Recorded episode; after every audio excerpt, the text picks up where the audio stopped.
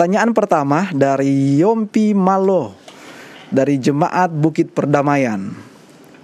Pertanyaannya, mau tanya perbedaan dari pernyataan Rasul Paulus Kisah 9 ayat 36, Kisah 22 ayat 6 sampai 11, Kisah 26 ayat 13 sampai 17. Jadi ada tiga bagian ini yang akan dibacakan nanti. Pertanyaannya, ini mana yang benar? Alasan pertanyaannya saya. Pasalnya sama, orangnya sama. Tapi keterangannya beda-beda. Tolong tanggapannya Pak Pendeta Sabuin. Mungkin yang dimaksud adalah bukunya sama ya. Ini bukunya sama dan orangnya sama. Kita akan coba bacakan um, ketiga bagian ini. Banyak juga ayatnya ini ya. Iya Pak Pendeta.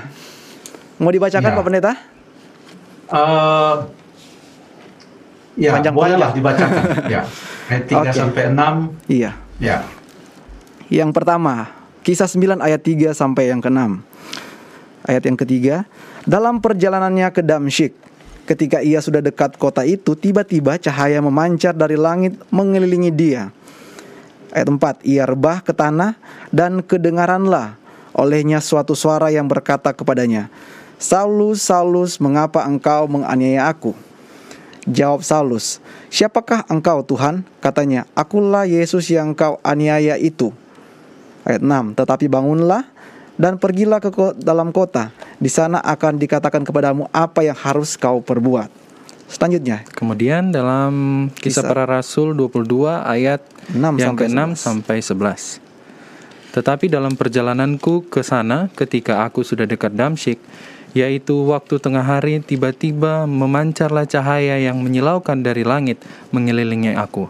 Maka rebahlah aku ke tanah dan aku mendengar suatu suara yang berkata kepadaku, Saulus, Saulus, mengapa engkau menganiaya aku? Jawabku, siapa siapakah engkau Tuhan? Katanya, akulah Yesus orang Nazaret yang kau aniaya itu. Dan mereka yang menyertai aku memang melihat cahaya itu, tetapi suara dia yang berkata kepadaku tidak mereka dengar. Maka maka kataku, Tuhan, apakah yang harus kuperbuat? Kata Tuhan kepadaku, bangkitlah dan pergilah ke Damsyik. Di sana akan diberitahukan kepadamu segala sesuatu yang ditugaskan kepadamu. Dan karena aku tidak dapat dan karena aku tidak dapat melihat oleh karena cahaya yang menyilaukan mata itu, maka kawan-kawan seperjalananku memegang tanganku dan menuntun aku ke Damsyik. oke, yang ketiga, bagian ketiga, kisah Yang para rasul oke, silakan. 26 ayat 13 sampai yang ke-17. Ayat 13. Tiba-tiba 26 ayat Tiba-tiba ya Raja Agripa pada tengah hari bolong aku melihat di tengah jalan itu cahaya yang lebih terang daripada cahaya matahari turun dari langit meliputi aku dan teman-teman seperjalananku. Kami semua rebah ke tanah dan aku mendengar suatu suara yang mengatakan kepadaku dalam bahasa Ibrani. Saulus, mengapa engkau menganiaya aku? Sukar bagimu menendang ke gala rangsang. Tetapi aku menjawab, Siapakah engkau Tuhan? Kata Tuhan, Akulah Yesus yang kau aniaya itu. Tetapi sekarang, bangunlah dan berdirilah. Aku menampakkan diri kepadamu untuk menetapkan engkau menjadi pelayan dan saksi tentang segala sesuatu yang telah kau lihat daripadaku dan tentang apa yang akan kuperlihatkan kepadamu nanti. Ayat yang ke-17. Aku akan mengasingkan engkau dari bangsa ini dan dari bangsa-bangsa lain dan aku akan mengutus engkau kepada mereka. Demikian Pak Pendeta. Wah, terima kasih banyak dibaca semua ya. Terima kasih untuk pertanyaan ini. Pertanyaan ini bukan hanya sekedar tentang cerita dari Paulus, tetapi pertanyaan ini adalah tentang bagaimana Alkitab itu ditulis. Dalam kisah pasal yang ke-9 itu adalah cerita pertobatan Paulus yang diceritakan kembali oleh Lukas yang menulis kitab kisah. Jadi itu adalah cerita tentang Paulus punya pertobatan yang diceritakan dan dicatat oleh Lukas. Sementara dalam kisah pasal yang ke-22 dan kisah pasal yang ke-26 ini adalah cerita pertobatan Paulus yang diceritakan sendiri oleh Paulus dalam kesaksian dalam kisah 22 dia bicara kepada orang-orang Yahudi dan dalam kisah 26 adalah juga kesaksiannya kepada Raja Agripa dan kesaksian yang dia sampaikan sendiri itu dicatat oleh Lukas. Jadi karena Paulus yang bersaksi, maka dia bisa menggambarkan pengalamannya dari berbagai sudut pandang yang dia ingat tentang apa yang dia alami.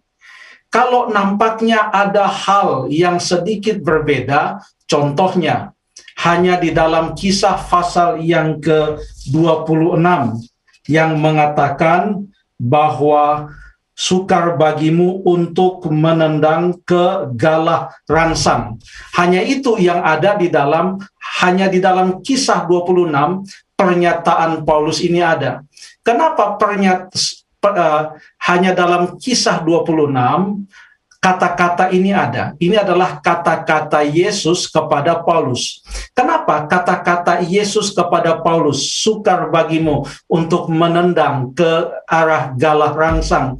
Kenapa itu tidak disampaikan dalam cerita pengalaman pertobatan Paulus yang terdapat dalam kisah 9? Ingat bahwa di dalam pengalaman yang Paulus ceritakan dalam kisah 16, dia sedang berbicara kepada Raja Agripa dan juga para pemerintah yang ada pada saat itu, di mana banyak umat-umat Allah yang mereka tindas.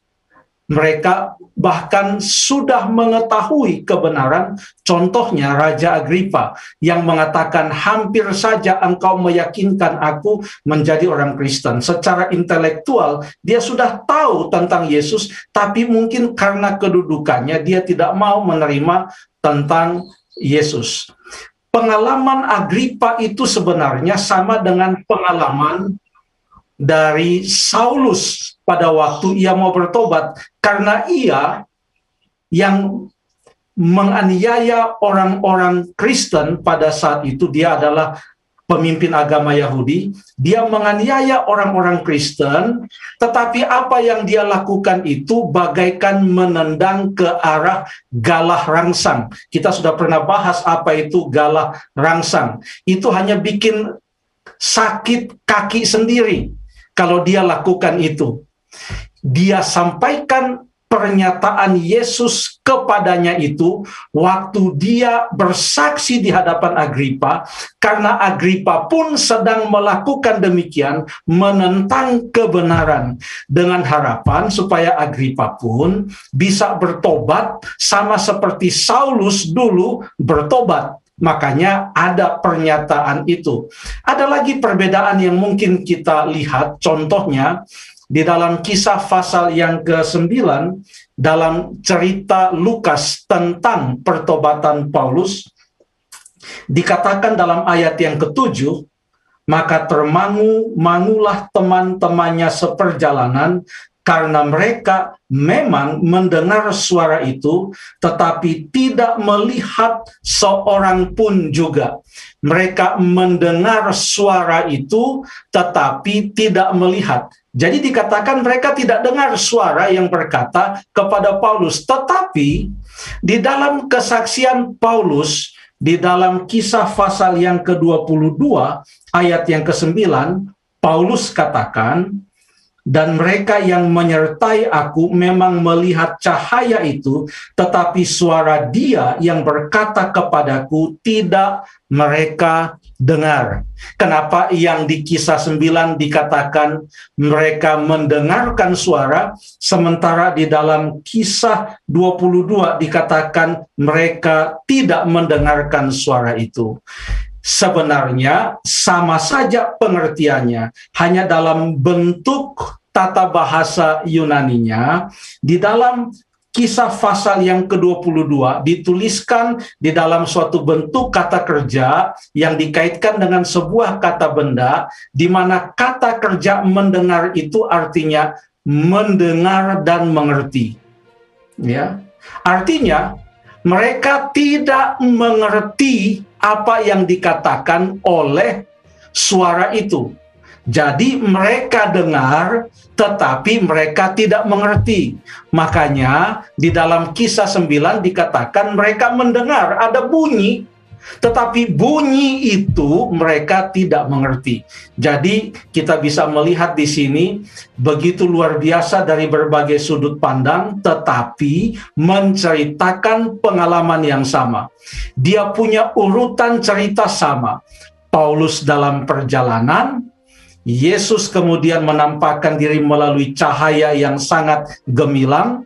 Paulus matanya buta, Yesus berbicara kepada Paulus, Paulus dituntun ke kota Damsik atau Damaskus. Di sana dia bertemu dengan Ananias, lalu kemudian Paulus bertobat. Sama persis urutannya. Di dalam percakapan dan lain-lainnya, Paulus yang menyaksikan kembali apa yang dia ingat, dia bisa memilih untuk menekankan bahagian mana yang perlu ia tekankan kembali, melihat audiens yang sedang mendengarkan dia. Kurang lebih demikian. Terima kasih.